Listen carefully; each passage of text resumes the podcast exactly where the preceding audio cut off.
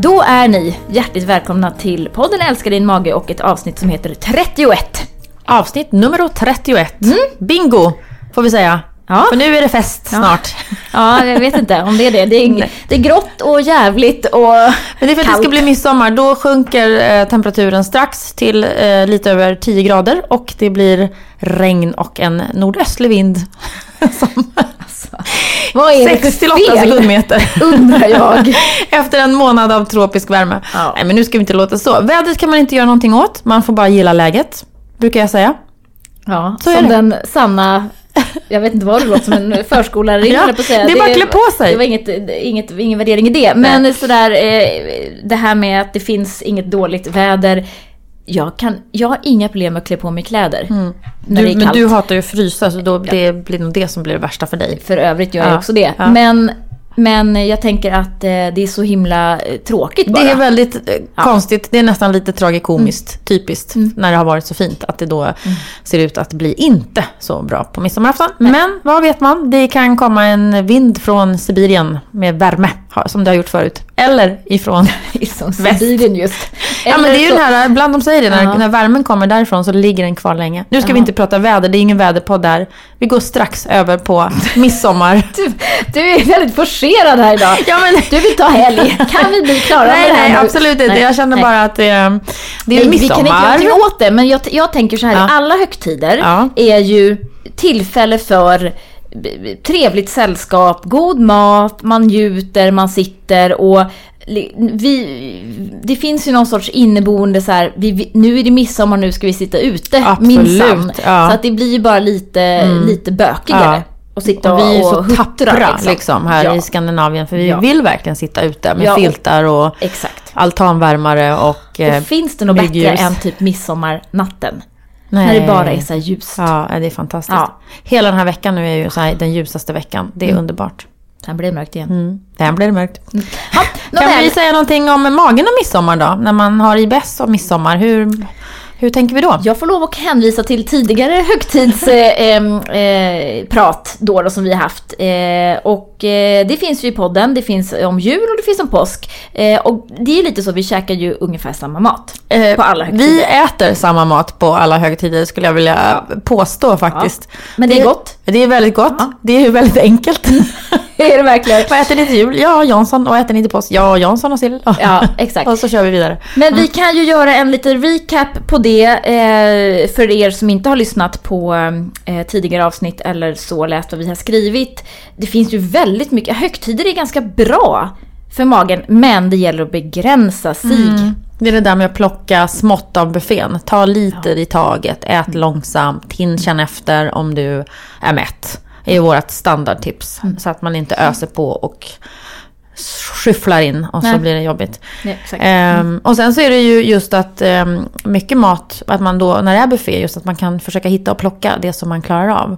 Och mycket av det som finns är ju sill och lax och ägg och de här sakerna som ehm, de är ju helt okej. Och sillen är ju inget, även om det är lök i så blir det liksom ingen lök när man skakar av sillbitarna och lägger dem på tallriken. Och så kan man använda gräslök som är snällare mot magen.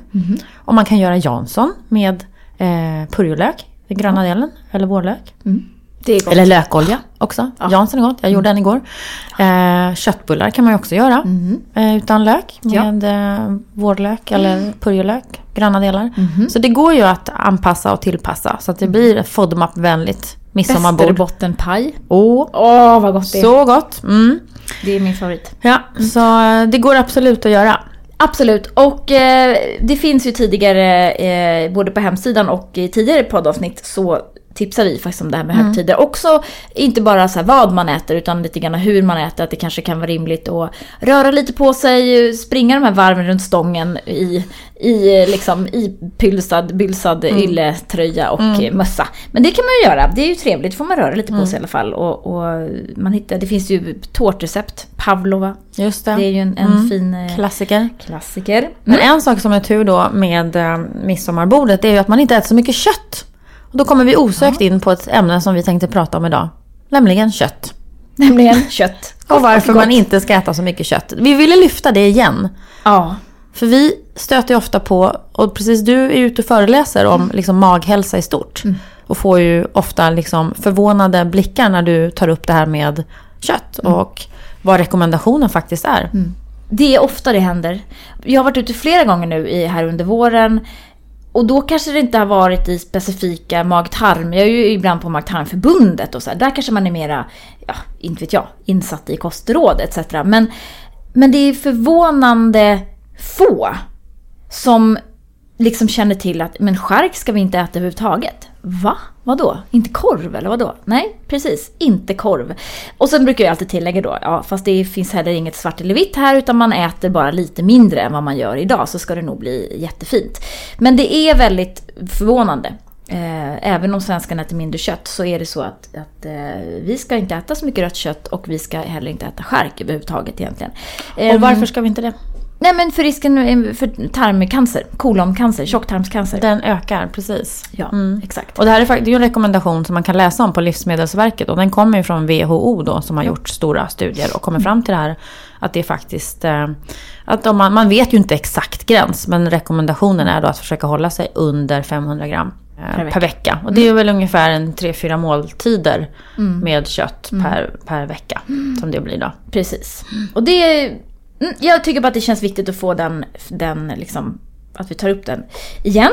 Eh, sen finns det ju också så, många IBS-are tycker jag beskriver att det är tungt i magen att äta kött. Och det Ja. är liksom, åh, jag blir alldeles så däst och konstig. Eh, eller att jag blir dålig i magen när jag äter kött. Och det är kanske inte jättekonstigt för det finns ju faktiskt köttallergi. Eh, och Men- det visste man ju inte om till för jättemånga år sedan Nej. skulle jag vilja säga. Nej. Men sen kan man tror jag också man kan ha den här att man känner att det blir tungt med rött kött utan att man har en, en deciderad köttallergi. Ja, För verkligen. det kan vara lite hårdsmält och Absolut. svårsmält och så vidare. Men det är ju intressant det där med köttallergi. Det är inte särskilt många som har det. Nej, Men- eh, det är ju inte det. Och som sagt, det är ju inte särskilt många som har det. Det som man ser då, det är att man bildar då eh, IgE-antikroppar eh, mot, eh, det här är ganska invecklat då, men, men mot vissa ehm, eh, egentligen eh, ja, molekyler i köttet. Så som man kan säga. Proteiner. Det är proteiner som man ofta reagerar på när det är, är, handlar om allergier. Ehm, men då eh, finns det också en koppling till det här och eh, fästingar. Precis, om man har haft ett fästingbett så kan man ha fått överfört någonting som fästingarna har i deras magtarmkanal. Just det. Eh, alfagall. Ja, Eh, och då kan man börja producera den här IgE-faktorn mot det här alfagallet. just det. Och det gör samtidigt då att man också blir allergisk kan man säga. Mm. Just mot kött. Rött kött då. Nöt, fläsk, lamm, vilt. Inte fågel är ju inte med i den här. Nej. Just det. Och, och det som kan vara intressant just i det här som vi tänker på det är ju att symptomen då som kan komma två till sju timmar som det står då efter intag av rött kött. Men att bland annat magproblem då, magkramper, diarré kan vara ett av symptomen. Så ehm, det är ju lite intressant. Men det kan också vara klåda och eh, annat. Eh, rodnader på huden och sådär. Så mera vanliga allergireaktioner också. Just det, och det här kanske inte är den första allergin man testar emot om man Nej. går till läkaren. Utan Nej. det här kanske snarare är någonting man egentligen aldrig testar emot för det är inte så många som vet om det. Eh, men det är ju intressant för, för eh, som vi var inne på det här med att man känner tyngd i magen, att det går trögt. Det är ju ofta att, att många upplever att de blir väldigt förstoppade av kött. Det bara liksom stannar av hela, hela systemet. Eh, här är det kanske tvärtom då, att man, man snarare får eh, diarré. Och sen att man då tydligen med vanliga pricktest som man då vanligtvis gör när man, om man misstänker någon form av eh, födoämnesallergi. Så är det inte pricktestet det bästa sättet att se det här. Nej. Utan att man behöver ta en sån här blodprov där man tittar just på den här eh, IgE-faktorn då. Precis, precis. Och sen får man ju också tänka efter då. eh, Finns det något utlösande livsmedel? Det finns kanske eventuellt någon koppling även till eh, mjölk. Eh, det finns enstaka eh, personer med köttallergi som också reagerar på mjölk. Men också då kanske att man eh, eh, har haft ett fästingbett kort inpå. Det kan ju vara, vara det också. Så att återigen då, då att ehm, jag tänker att alla sådana diffusa allergier, det är ju rådet till alla som har eh, all, konserveringsmedelsöverkänslighet eller färgämnen eller sånt som egentligen inte går att testa för på ett, på ett eh, schysst sätt. Eh, här gäller det att man skriver upp för att få någon typ av bild över när kommer de här symptomen. Exakt. Ja, det senaste året har jag haft liksom åtta åtta tillfällen där jag ätit kött och det har liksom hängt ihop varenda gång. Ja, då kanske man har en röd tråd där. Men det viktigaste är ju ändå när man går till läkaren att man kanske har gjort en liten, liten anamnes av sig själv eller fört ehm, en, en matdagbok under en period. Så att man också får hjälp själv att koppla det mot Precis. Där är verkligen en mat och symptomdagbok jättebra. Mm. När man har, om man får konstiga reaktioner som man inte riktigt förstår vad de är först. Och att skriva då vad man kanske ätit de senaste par dygnen. Ett till två dygn i alla fall innan om man får någon Mm. Precis. reaktion. Det är Ehm, väldigt bra. Men de, sk- som de skriver här då, när vi läser lite grann, vi har läst på internetmedicin.se att eh, ungefär 200 fall är diagnostiserade i Sverige. Men att sannolikt att det är underdiagnostiserat. Så att det kanske går runt människor med den här allergin som inte vet om det. Säkert. Mm. Och det fanns inte för, för något år sedan. Men nu vet jag att på, på de större sjukhusen, Mm. så, så på allergimottagningarna där så finns det ganska många registrerade eh, köttallergifall. Mm. Och det är ju det är något lite nytt. Men det är återigen det här att för några år sedan så sa man bara äh, köttallergi, vad är det för någonting? Mm. Det är väl ingen som är allergisk mot kött? Ja, och sen så helt plötsligt så var det visst så. Mm. Men å- återigen då som vi bara kan konstatera det här med magen. Att det finns så många olika saker och faktorer som spelar in. Varför magen mår som den gör och överkänsligheter som vi kanske inte kan mäta idag. Eh, så det är komplext när man har magproblem. Det har, vi, har man den största förståelsen för. Verkligen. Det har man verkligen. Mm. När man verkligen. jobbar med saken. Ja. Då går vi vidare till ett eh, ämne som vi ju faktiskt får relativt mycket frågor om tycker jag. Eller det är relativt många av eh, våra IBS-are som vi kommer i kontakt med som har problem med divertiklar Precis. eller tarmfickor. Från det ena magproblemet till det andra. Mm. Mm. Något vanligare när man blir lite äldre då oftast. Och det tycker jag också man ser. ehm, och det kanske också där mer att de börjar spöka. Att man kanske upptäcker dem också. Ehm, för man ser Verkligen. ofta att kanske man har IBS och divertiklar. Eller att man bara har divertiklar då. Mm. Ehm, och det är ju en liten tarmficka brukar man ju kalla det för. Men det behöver inte vara en, direkt en ficka. Det är, mer, det är en utbuktning på tarmslemhinnan. Just det. Och oftast i den nedre delen av tjocktarmen. Som då uppstår. Och man kan ha en och man kan ha många. Och man kan ha de här utan att känna av dem. eh, Och ha något besvär av dem. För det, det är riktigt många människor som har det här. Jag tror att det är cirka 20% av befolkningen över 50 år har faktiskt divertiklar. Eh, och man vet ju inte exakt vad det beror på. Eh, man har väl lite teorier också kanske med stillasittande livsstil.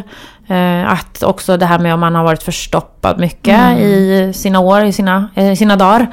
Att det kanske blir påfrestningar på tarmen då som gör att den börjar bukta sig och ge efter lite grann. Mm, precis. De pratar om sådana högtryckszoner i tarm, där tarmslemhinnan helt enkelt då pressas ut. Eh, så att det bildas som en liten bubbla i, eh, i tarmen. Och ehm, det är ju som sagt, de kan ju vara där eh, utan att det händer någonting. Eller så kommer det förbi då avföringsrester som, som fastnar i de här eh, fickorna. Och det kan då leda till mer akuta symptom och då brukar man kalla det för div- divertikulit. En inflammation helt enkelt Precis, det blir något helt annat tillstånd då. Och vid divertikulit så får man ju oftast då eh, molande smärta i buken, oftast långt ner i buken. Eh, oftast på vänster sida. Jag tycker de flesta har problem med vänstersidan eftersom tjocktarmen Mm. Det är liksom går, går neråt där. Ja, exakt. Tjocktarmen. Mm. Illamående, förstoppning oftast då för det systemet står lite, lite grann still. Eh, och feber är ju vanligt. Så det är väl återigen det här som vi brukar säga, alarmsymptomen. Om man får feber plötsligt utan egentligen, ja, man kanske har ont i magen samtidigt, så är det inte IBS. Då är det Precis, någonting annat. Då är det något annat. Ja, Och alltid om man får symptom som är nya och smärtor i magen och man inte känner igen ska man ju alltid kontakta sjukvården. Eh, det är bra. ja det är det. Men innan då eh, det blir eh, inflammationer så kan man göra en del. Ja, eh, ja precis. För att, och det man ju säger och, och vet, det är ju det som gäller för oss alla. Att försöka äta bra fibrer. Eh, och ha, om man har IBS så blir det också rätt typ av fibrer och att vi ska motionera. Att det är viktigt att hålla tarmen igång och, och motverka förstoppning. Så det är ju liksom den här stillasittande livsstilen återigen och fiberfattig kost som blir liksom problematiken. Så det är ju detsamma som gäller eh, om- man har divertiklar eller inte. Att försöka tänka på det här och äta på det sättet. Just det. För risken för divertikulit har man ju sett då, eh, och divertiklar också, det ökar ju om man har för lite, en, fiberfattig kost och om man är förstoppad. Så det är väl egentligen det som är eh, råden, att hålla igång tarmen helt enkelt så att det inte står still där inne.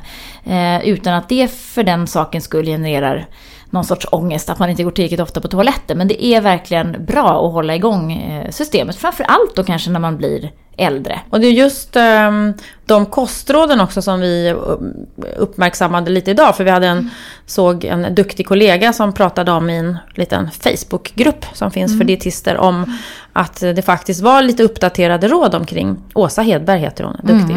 Mm. Att det var lite nya rön och råd omkring vilka kostråd man ska ge när man har divertiklar. Mm.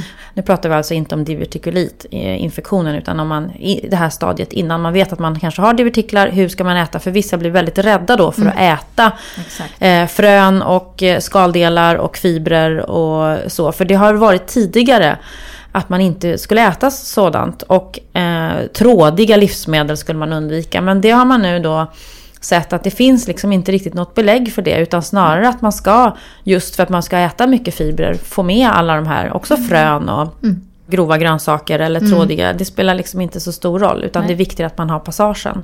Absolut. Så det är ju lite intressant och bra att det, eh, det kommer upp. Och eh, mm. vi dietister då får jobba på att sprida det budskapet. För det, Exakt. man har ofta träffat jag patienter som blir väldigt rädda för att äta mm. eh, allting då. Mm. Som har någon liten skaldel på sig. Eller man mixar allt liksom, ja, precis. hysteriskt. Ja. Eh, och det, det är ju inte jättekonstigt för man tror ju också då att att, att det ska fastna hela ja, tiden. Ja. Uh, och så försöker man söka bakåt. Det kanske var den där lilla, lilla eh, hasselnöten jag åt ja, eller vad det var mm. som har fastnat där inne. Mm. Ja, det är ju inte riktigt så. Men det, som är, det man kan göra då är att äta mm, naturligtvis mycket frukter och grönsaker. Mycket gelébildande är ju väldigt bra. Husk till exempel, psylliumfröskal, um, är ju fantastiskt bra för att öka volymen men också öka eh, ja, vad ska säga, passagen i tunntarmen, gör, underlättar den eh, passagen.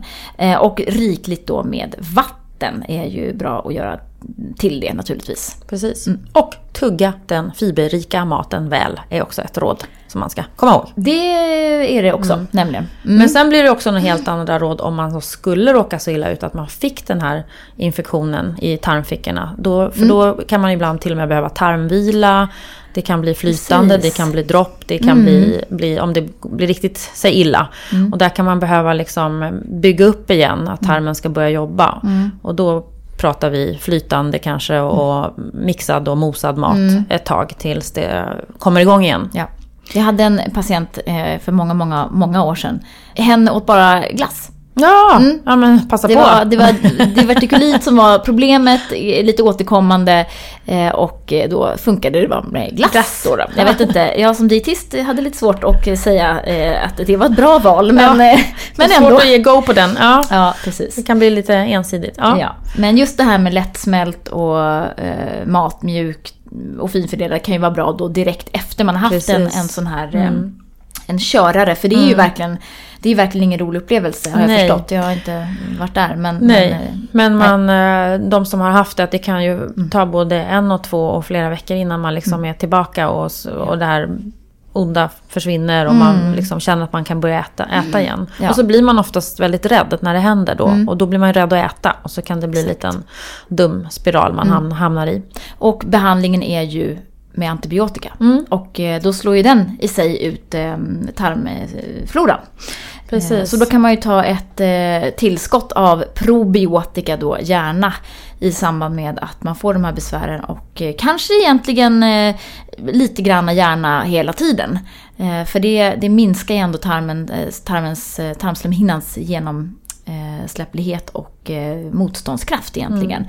Har man sett eh, att ha en bra tarmflora. Så det är väl alltid bra att ta ett sånt eh, tillskott. Mm. Och ibland så det, det är lite bara också hur de bedömer de här eh, symptomen, hur allvarliga man bedömer det. För ibland avvaktar man ju också innan man sätter in antibiotika. Ja. Det kan ju också vara bra så att man inte bara kör in det på en gång. Precis. Om det inte behövs. Nej. Men, men eh, sammanfattningsvis när det gäller divertiklar då så kan vi eh, göra som Sverker. Slänga de här gamla kostråden om eh, trådar och frön och hinnor och skaldelar i soptunnan. Ehm, och så tänker vi nytt. Då tänker vi nytt. Ja, vi vänder alltså- blad. Vi, exakt.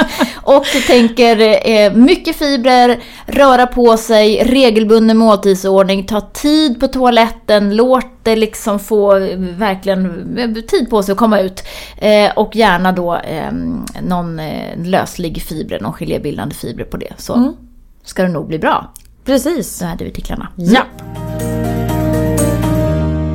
Ja, då var det dags att prata om eh, vår kollega då.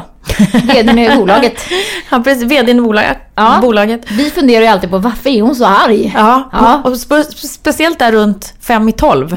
Då ska man akta sig noggrant. Ja. Precis. Tur att hon inte är här. Nej, hon är ju också halvt engelsk så att det här med begreppet, begreppet hangry kanske hon Ja. känner till. Hon gjorde det. Hon, när vi lyfte det, hon bara ja men det är ju jag. Vi Ja. bara mm, skojar du? Nej, Precis, det är ju så. Nej så Ehm, illa är det inte. Nej, verkligen inte. Nej. Men, men det är ju lite intressant för många människor upplever ju att eh, man blir väldigt eh, på dåligt humör när det, när eh, det är tomt i kistan. Så att Ja. säga. Och så tänker man så här, oj oj oj, nu har du lågt blodsocker, nu, socker, nu måste du ta någonting att äta. Mm. Eh, men då är det ju också så att man har förstått nu då att ehm, eh, det är inte bara det här blodsockret som spelar roll på, för vårt humör. Eh, Vi blir helt enkelt lite mindre eh, stress, eh, lite, mindre, lite mer stresskänsliga eh, och mindre toleranta.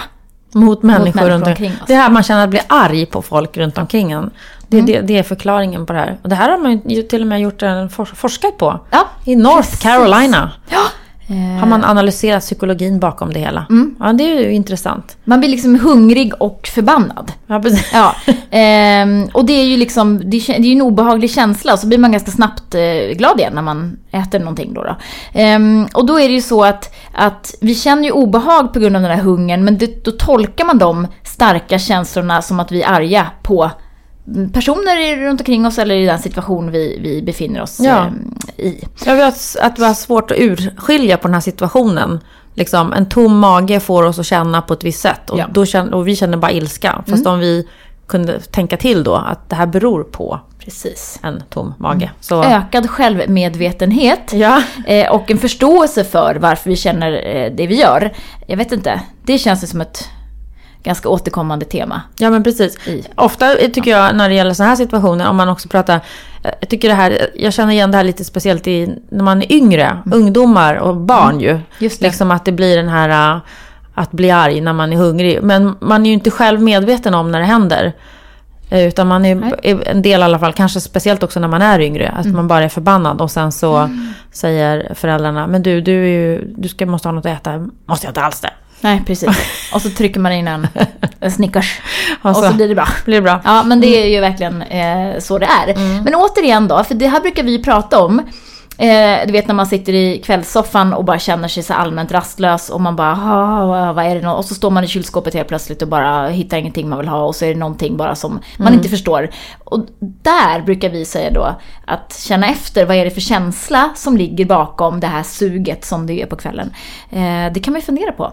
Och eh, då får man ju förståelse för att vänta, jag är sugen på de här popcornen för att jag måste döva någonting på grund av att det händer någonting på jobbet idag eller vad det kan vara. Och här är det en känsla också då när man blir arg, att man Mm. kan analysera på varför är jag så arg? Ah, för att jag är hungrig, jag har inte ätit Precis. på fyra timmar. Och det är ju inte heller bra för IBM, äh, IBS-magen brukar vi ju tjata om. Nej. Ofta det här regelbundna, lite mindre måltider, lite Mm. oftare, jämnare ström under dagen brukar bli bra för de flesta magar. Just det. Mm. Det finns ju också en så överlevnadsmekanism i det här att man får lite tunnelseende när man börjar bli hungrig eller när man fastar eller så här, man blir lite mer zzzt, fokuserad. Och det handlar ju kanske mycket om att En överlevnads... Exakt. Och man blir lite man blir lite mindre tolerant för att man måste ju söka föda. Det är bara att man fattar inte att Var lite man på måste hugget. söka föda. Ja. Mm. Så eh, tänk till då nästa gång någon, eh, eh, du, eller tänk till när du känner eh, en minskad tolerans mot den du sitter mitt emot på jobbet. Precis. Kanske bör du ta och stoppa något i munnen. Så till veckans recept. Ett väldigt enkelt recept. Eller mer ett tips skulle jag säga. Eller flera tips. Vi kom på att vi skulle prata om pålägg. Eller du kom på att vi skulle prata om pålägg. Det var bra. För att man Ja. kan ju liksom eh, vara lite sådär eh, innovativ med pålägg. Speciellt nu när vi har pratat om att man inte ska äta så mycket chark. Så liksom skippa skinkan och korven och hitta alternativ. Precis. Ehm, är ju bra. Skippa fulskärken. Fulskärken. Brukar jag säga. Ja. Eh, och det kan ju vara lite, lite provocerande att jag säger så. Men det är faktiskt helt eh, rätt. För att är det någonting man kanske kan stoppa undan så är det ju salamin, eh, konjaksmedvursten, mortadella som jag inte ens förstår vad det är för någonting, prickig korv etc.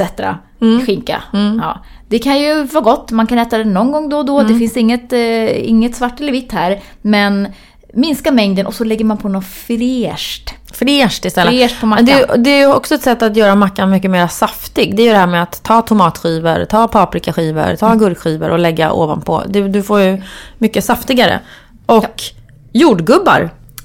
Du gillar det? Skiva Ja. jordgubbar på mackan. Ja, Ja, verkligen. Det Jag gillar det. också jordgubbssylt på smörgås. ja okej. Ja. Mm. Ja. Jag är också lite marmeladälskare då. Ost och marmelad det är ju den bästa kombon på en frukostmacka. Det det. Eh, Ibland, men, någon gång. Och ibland, någon gång. Inte varje dag. Nej. Men, eh, och ost överlag tycker jag också är väldigt gott förstås. Mm. Eh, min favorit är ju, och det är ju kanske bra så här i, i sommartider, kall potatis. Mm. Eh, kokt kall potatis, skiva och lägga på macka med lite, strö lite um, gräslök heter det. Mm. Man kan ta en liten sträng kaviar också, som är en av mina favoriter. Mm. Jag sitter här i ångorna på morgonen. Ja, jag kan inte leva utan kaviar. Nej. Eh, Kaviar och gurka svårt. är den bästa, tycker jag. Mm. Och det kan man tycka. Det är, det är bra. Kall och kokt potatis, det är ju resistent stärkelse. Ja. Straight down the bowel till tarmbakterierna. Det är bra. Bra mat för dem. Då blir det Jättebra. midsommar för dem också. Det blir de fest för dem också. Och eh, hummus är också Mm. bra. De som tål kikärtor, konserverade, använd gärna dem. Där fibrerna har lakats ur lite extra. Mm. Och gör lite hummus med lite vitlöksolja kan man använda då. Yes. Så blir det också ett gott pålägg. Mm. Även det här med mandelsmör och jordnötssmör och sådana saker kan man ju också testa. Mm. Banan skivar många på mackan Mm. och gillar. Du ser lite skeptisk ut. Nej, men jag säger nej till just banan Ja, på mackan. jag gillar banan på, på knäckebrödsmacka kan jag göra ibland. Det tycker jag är gott. Mm. Med curry på då, eller? Nej, nej, men herregud. Mm. Nej. Inga Hawaii här inte, eller vad det är. Ja, jag, jag tycker det är fint med ehm, sill, lax, Ah, makrill. Så här, ja. Det blir lite matigt. Ja, Gärna matigt på, på liksom. Mm. lite så här kavringsaktigt bröd. Det finns ju faktiskt sånt som man kan hitta glutenfritt eller baka själv. Lite mörkare variant eh, också. Annars så är det ju surdegen som vi eh, tycker är fin. eh, Och som funkar för nästan alla faktiskt. Och lägga tillbaka en lite mindre mängd av. Eh, dinkel eller inte. Eh, så brukar det funka ändå. Även om man bara hittar någonting på, som är gjort på vete. Eh, keso, tomat. Keso är fantastiskt pålägg Mm. tycker jag. Det tycker jag med. Mm. Det är bra. Det finns mycket kyckling... ehm, Eh, grejer nu ju. Kyckling, eh, sk- kycklingskinka eller på Ja. Men det heter det inte. Utan nej. kyckling eh, Kött. skivad. Skivad. Ja, skivad. Sådan. Skivad kyckling. Mm. Filé. Ja, det Det gör är det. inte dumt alls. Mm. Ehm, honung.